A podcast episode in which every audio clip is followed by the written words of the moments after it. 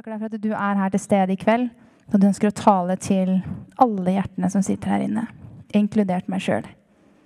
Fordi du ønsker å møte oss, og du ønsker å være sammen med oss, du ønsker å veilede oss og hjelpe oss og trøste oss og styrke oss. Og Vi bare løfter blikket fram på deg i dag, Jesus. Løfter blikket på deg som er troens opphavsmann og fullender, sånn som det står. Og det er ingenting som er umulig for deg, Herre. Så i kveld denne søndagen så bare legger vi framfor deg, på, framfor korsets fot, så bare legger vi ned alt det som kanskje har vært tøft gjennom uka. Vi legger ned byrder, bekymringer, ting vi tenker på. Takk for at vi også kan få lov å gi deg alle våre gleder. Alt det som, som er bra. Og invitere deg inn i alle arenaer og alle deler av livet. I Jesu navn. Vi ønsker deg velkommen, Hellige Ånd, til å komme. Takk for at vi kan ha forventning til deg i kveld. Og jeg ber om at du skal bare komme og ta over hele det møtet her og gjøre sånn som du vil. I Jesu navn. Amen. Amen.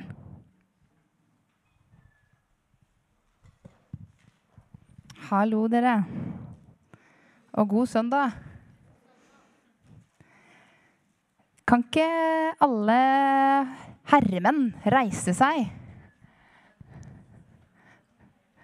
Alle herrer. Alle menn. Og så kan alle andre oss snu oss rundt, se på sidemannen, og så sier du 'Gratulerer med farsdag'!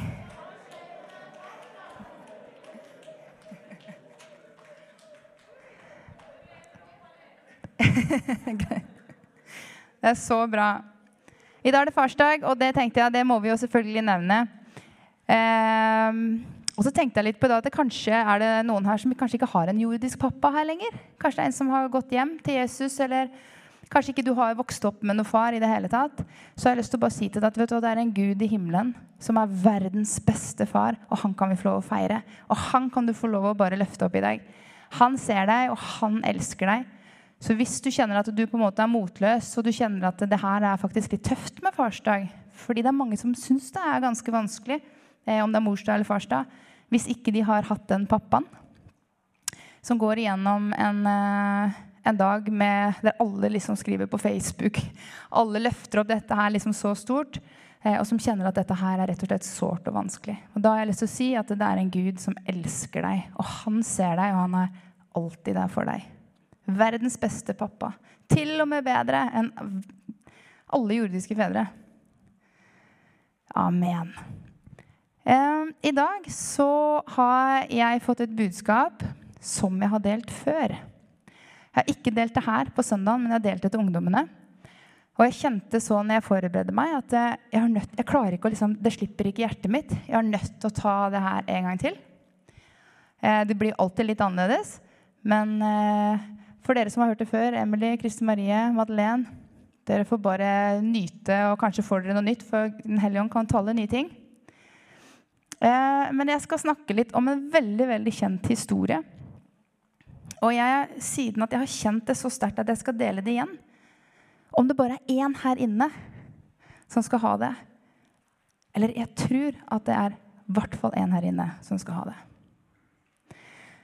Det er en veldig kjent historie som mange av dere kjenner, som er i Johannes evangelium kapittel 4. Eh, og jeg er ganske sikker på at de fleste her inne kanskje har lest Johannes eh, kapittel 4 eller hørt en preken om det. Jeg kommer til å vise en film.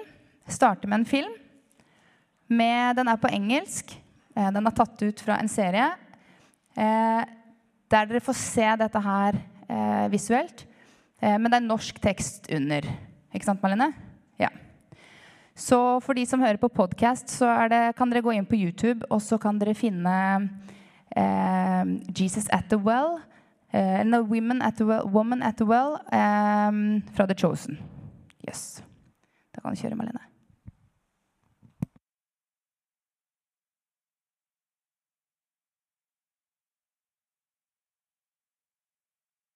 Jesus sa til henne Vi vet det han har sagt her. Men det vi vet Jesus gjorde, var at han viste seg for henne og fortalte henne ting hun hadde gjort. Og han åpenbarte seg gjennom både ja, noen kaller, eller Vi kaller det for kunnskapsord, men han viste henne hvem han var. Og jeg elsker denne historien her, fordi når jeg leser det, så viser det meg ikke bare det Kanskje store grunner er fordi at jeg føler, kjenner meg så igjen i den, i den dama. Jeg vet sjøl hva Jesus har tatt meg ut av. Eh, full av urenhet, gjort så mye dumt, ikke sant? Men så møter Gud meg med sin kjærlighet. Han tok min skyld og min skam. Eh, så I den historien her så er det så sterkt for meg å lese om Guds nåde. Det er litt ekko, Malene. Eh, om Guds nåde og Guds kjærlighet til denne dama. Fordi at det, her var en samaritansk kvinne, og vi leser i historien at det, jøder, som Jesus var, omgås ikke med samaritanere. De omgås ikke sammen. Hva er det Jesus gjør? Jo, han møter en samaritansk kvinne. Og så står det at hun var ute for å hente vann med krukka si rundt den sjette time. Og hvis jeg har forstått det riktig, så er den sjette time cirka klokka tolv. Eller det er klokka tolv på dagen. Fordi de regner, med, eh, regner eh, klokka fra seks om morgenen, og så regner de timer ut. Så den sjette time var klokka tolv. Og jeg vet at etter at jeg har vært i Afrika eh, Kanskje noen av dere som, som, er fra Afrika, kjenner dere igjen. Eller i andre varme land. Så er det sånn at ca. fra klokka tolv til klokka fire så er det siesta på dagen. Så all arbeid som de gjør, all jobb som de gjør, det gjør de på morgenen. Og så har de siesta, og så fortsetter de etter klokka fire. Og Grunnen til det er at det er så veldig veldig varmt. Fra tolv til tre er den varmeste tiden på dagen når sola steker. Så da er man ikke ute. Det er ikke alle som er som nordmenn, som legger seg ut i sola når klokka er tolv. det er ikke det. Men det er klart at det er mye varmere eh, der enn det det er her. Eh, faktisk så husker jeg det var i Afrika og vi la oss ut for å sole oss, og alle lo av oss. De syntes vi var skikkelig gærne. liksom. De lo, for de syntes det var kjemperart. at Dere må jo ikke legge dere ut. Nå må dere jo ta pause. Nå må dere gå inn. Så ikke være ute i sola. Det er kjemperart. Men det var midt på dagen, og, og sånn som du leste, eller ja, du så i, i den filmen, så er det også mange som har prekt om at hun ville ikke bli sett av andre mennesker. Så det var mye bedre å reise der da. Det ikke var så mye folk. Og hvorfor det? Fordi hun skamma seg. Hun var full av skam. Fordi at mennesker syntes at hun var urein. Fordi mennesker syntes hun var ekkel, var et vrak. Hun var ikke verdt noe. Det er den dama Jesus møter. Det er den dama han går for å møte og velger seg ut. Og ikke bare det, det er den første dama som Jesus viser seg som Messias. Henne burde han ikke tatt en av de som var det, burde han ikke vist seg for en annen da, som kanskje i hvert fall hadde tro på han. Hun var den Jesus viste seg for.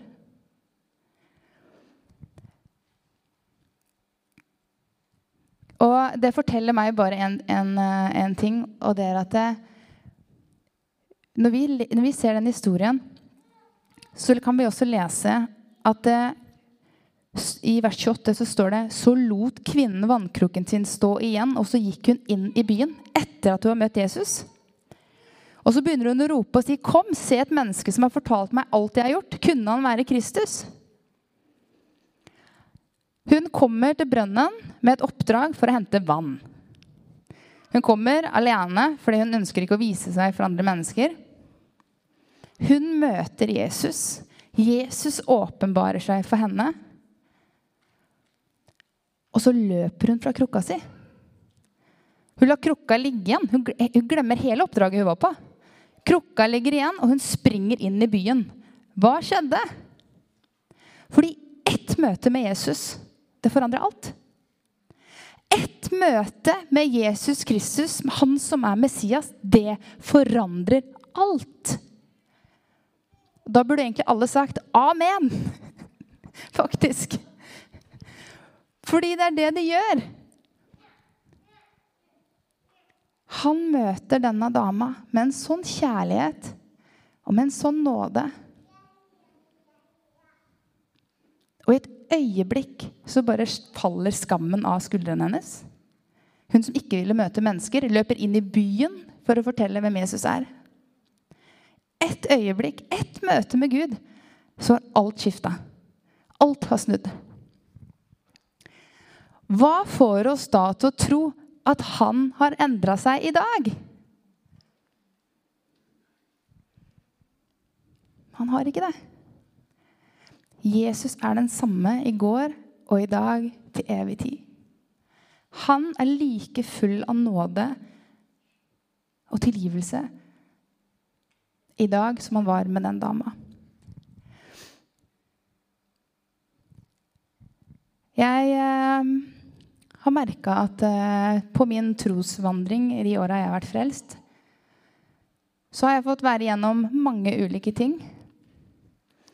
Og eh, jeg har merka at når jeg har gått på en smell, da, skal si det sånn, bomma på målet, gjort feil, gjort synd til og med, så har jeg merka at veldig, veldig, veldig raskt så blir jeg fylt med skam. Jeg vet ikke åssen det er med dere, men det er så fort at når vi tråkker feil, eller vi sier noe feil, eller vi har 'Å, jeg skulle aldri ha sagt det til kollegaene mine'. Eh, jeg eh, Ja. I dag, ungdomsgenerasjonen, for mange sliter med mange ting. Kanskje det er pornografi som bare fyller deg med skam. Eh, kanskje du har tenkt tanker du ikke skal tenke. Det er så mange ting som gjør at ja, Ting som vi har feila på, da. Så blir vi fylt med den skammen. Vi vet at vi er satt fri fra skam, vi vet at vi er satt fri fra skyld. Vi vet at vi har satt vår identitet, den er ny. Vi er frigjort i Kristus. Men allikevel så blir vi fylt med skam. Så møter vi på dette. Og Jeg har lyst, jeg skal gå videre på det, men jeg har først lyst til at vi skal gå i første Mosebok i kapittel 3, fra vers 8, så er det her det er etter at Adam og Eva har eh, synda og gitt autoriteten over til Satan. Og da står det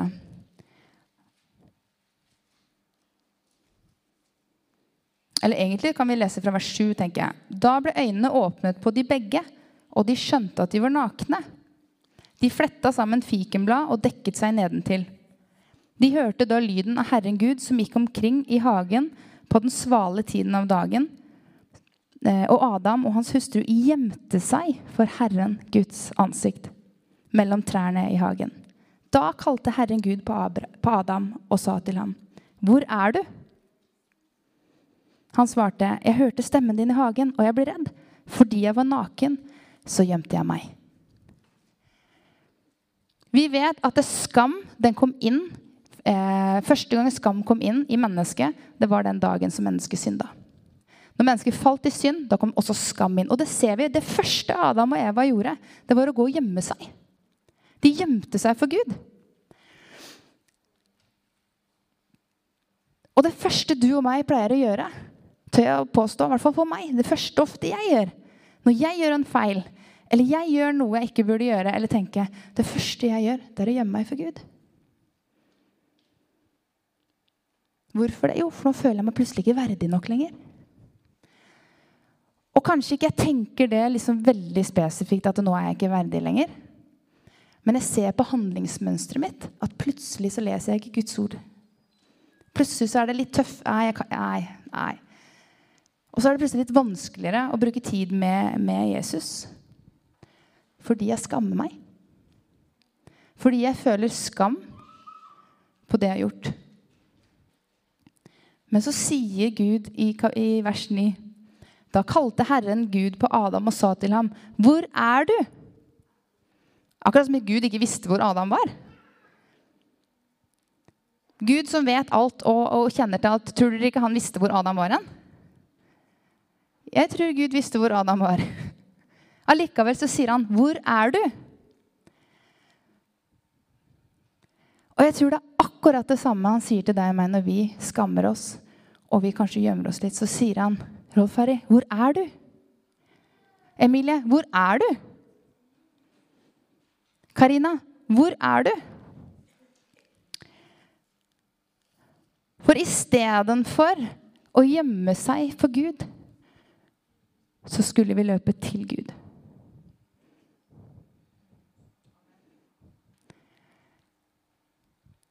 Og dette her taler jeg like mye til meg sjøl. Istedenfor så skulle vi løpe til Gud. Hvorfor det? Fordi ett møte med Jesus, det forandrer alt. Ett møte med Jesus fjerner den skammen. Vi trenger, vi har hørt så mange ganger at sannheten er det som setter oss fri. Vi må løpe til Jesus. Vi må løpe til ordet. Vi, når vi har gjort feil, skal ikke gjemme oss og tenke at vi er ikke verdige nok. Jesus han har bana hele veien for at vi kan kunne komme til han i alle ting. Og som Rofari sa i dag, eh, tidligere i dag, han elsker oss ubetinga. Han elsker oss på tross av. Han elsker oss selv om vi gjør feil. Betyr det at vi skal fly rundt og bare gjøre feil? Den hellige han hjelper oss gjennom, uh, gjennom, livet til at vi skal kunne få lov å bli mer og mer lik Jesus pga. hans kjærlighet. Jesus sitt budskap det er et kjærlighetsbudskap. Han løfter mennesker ut av skam. Han lærer ikke med, med dom lenger, men han lærer med kjærlighet. Og det står at det er Guds godhet driver oss til omvendelse. Guds godhet driver oss til omvendelse. Vi er så vant til tror jeg, at eh, våre jordiske foreldre ikke sant? Nå må du ta deg sammen. Nå går du på rommet ditt, og der sitter du, og så kan du skamme deg og så kan du tenke over hva du har gjort. Dette her er det vi er vant til. Fordi dette her er en del av kjøttet og det menneskelige. Men Gud er ikke sånn. Han forteller ikke deg Siv Vega, at nå må du ta deg sammen. Nå har du sagt feil. Nå har du driti på draget. No way back, liksom. Gå og skam deg. Nei, han gjør ikke det. Han sier, 'Kom til meg'. Kom til meg. Hvor er du, sier VG. Hvor er du, Randi? Han vil at vi skal løpe til han istedenfor at vi skal løpe fra han.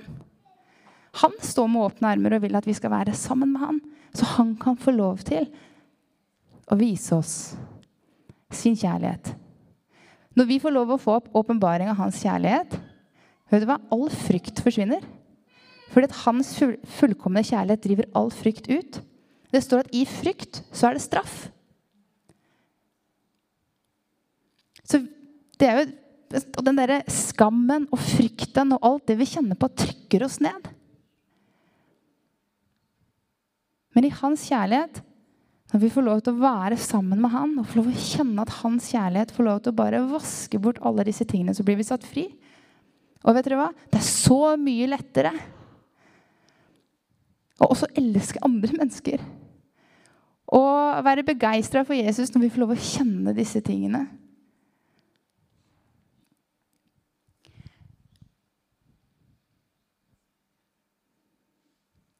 vi kan til og med lese, altså ikke, vi trenger ikke å lese hele den historien, men bare, bare for å minne på Sakkeus, som var en rik mann som jobba som overtoller.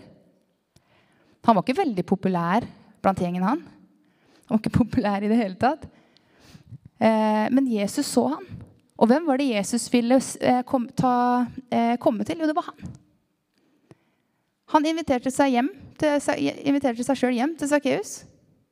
Han som alle andre mislikte. Det er den Jesus som vi tror på. Eller en spedalsk mann. F.eks. en spedalsk mann som ingen kunne ta på, ingen kunne røre ved. Han var bare ekkel, og hvis du tok på han, så ble du sjuk. og liksom alt dette her. Han gikk Jesus til å helbrede. Den som ingen andre ville gå til, den gikk Jesus til.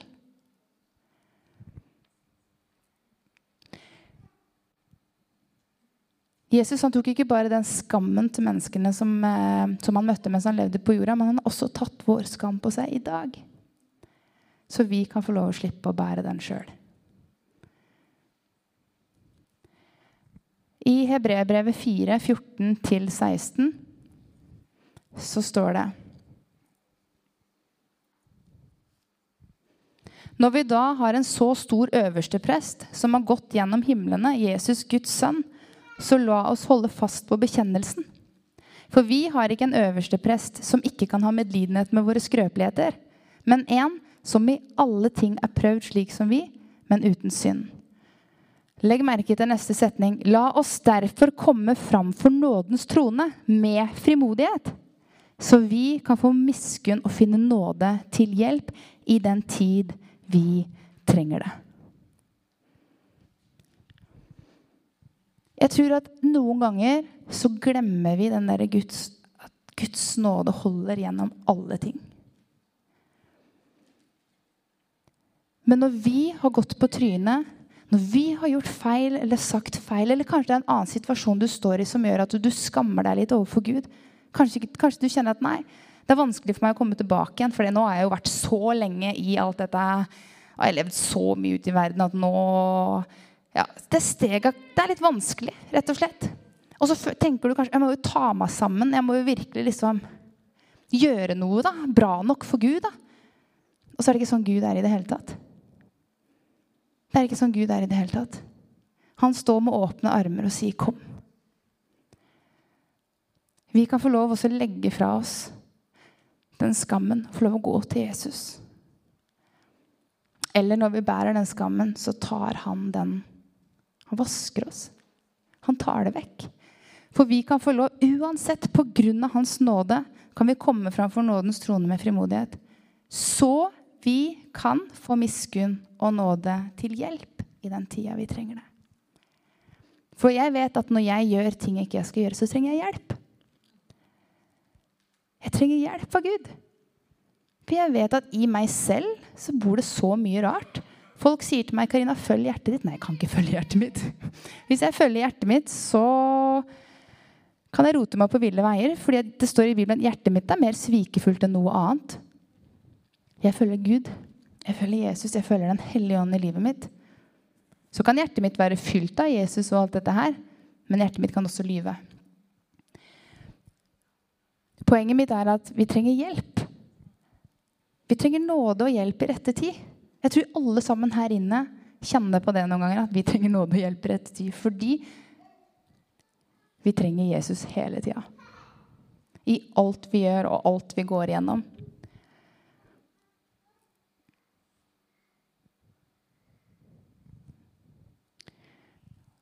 Og det er egentlig ganske stort, altså. Det er et veldig kanskje enkelt budskap. Kanskje noen tenker at det er litt overfladisk. Men jeg tror det er det enkle budskapet jeg har lyst, det er det enkle budskapet jeg har lyst til å dele i dag. Fordi jeg tror det er flere som kjenner på det samme som meg. At når jeg gjør feil, så er det så lett å la være å søke Gud. Det er så lett å heller sette seg foran Netflixen og se på for min del. Se på serier eller se på en film for å prøve å fikse opp i alle disse følelsene. Eller kanskje du er, eh, er en eh, praktiker som bare begynner å jobbe og eh, mekke på ting og ikke sant, istedenfor å søke Gud. Frustrerer deg over dette her, og det bare bygger seg av frustrasjon. og du, du klandrer deg sjøl. Når Gud sier, 'Hvor er du? Hvor er du hen? Kom! Jeg vil sette deg fri.' Fordi realiteten er at vår nye identitet, så er vi satt fri fra dette her. Men på veien så må vi bare nødt til å kjenne at han får lov til å bare løse de tingene som kommer på underveis. Vi har en djevel som prøver å stjele, myrde og ødelegge. Og jeg har erfart det at gjennom disse tingene så prøver han å stjele min tid. Skal jeg sitte i to, tre, fire uker, bare sitte i skam og elendighet? Til og med mange går tilbake igjen til verden bare pga. det. Fordi de kjenner seg ikke verdig nok. Og så er det en løgn rett ifra helvete, for å si det rett ut. Det er det det er. Når Jesus står med åpne armer og ønsker deg velkommen til å komme inn i fellesskap med han. For der er du elsk. Du er elska. Amen. Mens går, vi går inn i lovsangen, og sånn, så, så er det så bare å si at det er ikke for seint hvis du sitter og kjenner på at uh, dette her er det du snakker om nå, Karina, faktisk det som holder meg tilbake igjen. da kan du få lov til å komme og legge det ned ved korset i kveld. Jeg skal ikke invitere deg fram til scenen. Ingenting.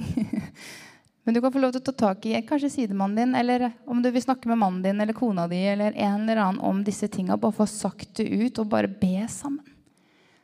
Eller om du gjør det med Gud aleine. Han står der og sier, 'Hvor er du?' Så hvis det er noen som ønsker å få forbønn, så er det selvfølgelig lov å gå bak eh, det forbønnsrommet. Jeg er ganske sikker på at det er noen bak der som er med å be. Og så er jeg utrolig glad for at Jesus har satt oss fri. Og at det er ingenting som står imellom oss og Gud lenger. Det er ingenting som kan skille oss fra Kristi kjærlighet lenger. Ingenting kan gjøre det. Ingenting. Og det er en ufattelig stor nåde vi har fått, som vi fikk se gjennom den videoen. Det står at alle har synda og mangler Guds ære. Alle trenger Jesus. Alle trenger hans nåde. Alle trenger hans tilgivelse. Alle trenger det. Og den kan vi bare ta imot.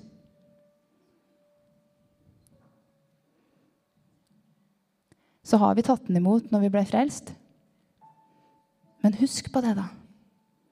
Husk på det at du er tilgitt. Ta fram Guds ord når ting er vanskelig. Minn deg sjøl på sannheten. Ta det fram når du kjenner på at det trøkker. Hva sier Gud om meg?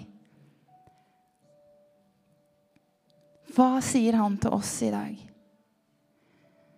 Og så skal vi få være med ut og vise denne kjærligheten til verden der ute. Fordi dette er Guds kjærlighet. Han elsker alle der ute. Denne kjærligheten skal vi få vise til den som sitter på gata med sprøyta i ermen. Og kanskje vi tenker nei, jeg kan ikke ta på han, for han er skitten og han er ekkel. Gud tenker ikke sånn. Men når vi får erfare Guds kjærlighet, så er det så mye lettere for oss å elske andre. For det står at vi elsker fordi han elsket oss først. Så vi trenger å minnes hele tida det som Gud har gjort for oss. Vi trenger å hele tida huske på den nåden og den tilgivelsen vi har fått, så vi kan vise nåde og tilgi andre. Er det noe vi trenger, så er det det i samfunnet i dag. Vi trenger å vise hverandre nåde og, og tilgivelse. Og jeg ble litt minna på et ord som jeg var litt usikker på om jeg skulle dele i dag. Men jeg tror faktisk jeg skal gjøre det. Og det er i Matteus kapittel 18. så står det om tilgivelse. Og Der snakker Jesus om at himmelens rike er å ligne med en konge som ville gjøre opp regnskapet med tjenerne sine. Og Da han hadde begynt å gjøre opp regnskapet, så ble det ført til ham en som skyldte ham 10 000 talenter. Men da han ikke hadde noe å betale med, så befalte herren hans at han skulle bli solgt sammen med sin kone og sine barn og alt han eide, og at gjelden skulle betales. Da falt tjeneren ned fram og sa, 'Herre, ha tålmodighet med meg, så skal jeg betale alt sammen.' Da ble tjenerens herre grepet av dyp medlidenhet. Han slapp ham fri og etterga ham gjelden. Men denne tjeneren gikk ut og fant en av sine medtjenere som skyldte ham 100 denarer. Og han grep ham og tok strupetak på ham og sa, 'Betal meg det du skylder.' Da falt medtjeneren hans ned for føttene hans og tryglet ham og sa, ha tålmodighet med meg, og jeg vil betale alt sammen. Men han ville ikke, og gikk bort og fikk kasta ham i fengsel. Der skulle han være til han kunne betale gjelden. Da medtjenerne hans så hva som skjedde, ble de meget sorgfulle. Og de kom og fortalte sin herre alt som hadde hendt. Etter at hans herre hadde kalt ham til seg, sa han til ham, Du onde tjener, jeg etterga deg gjelden fordi du ba meg om det. Burde ikke du også ha barmhjertighet med din medtjener? Slik som jeg også forbarmet meg over deg. Høres ut som en ganske hard eh, historie, men det den her representerer når jeg leser dette, det er den tilgivelsen som jeg har fått motta av Jesus. Jeg trengte tilgivelse, og jeg trengte barmhjertighet, og jeg trengte nåde. Og Derfor kan jeg få lov å gå ut og vise andre mennesker barmhjertighet og nåde. Fordi han har vist meg det. Når jeg har blitt gjort det til av Jesus, gjør han ikke det med de andre også? Jeg tror at det folk skal se her fra Betania, det er at vi elsker hverandre inderlig. Fordi vi har fått erfare Guds frihet og Guds nåde og Guds tilgivelse. Det står at de skal se at vi er hans disipler på den kjærligheten som vi har til hverandre. Men da trenger vi også se det han har gjort for oss. Amen.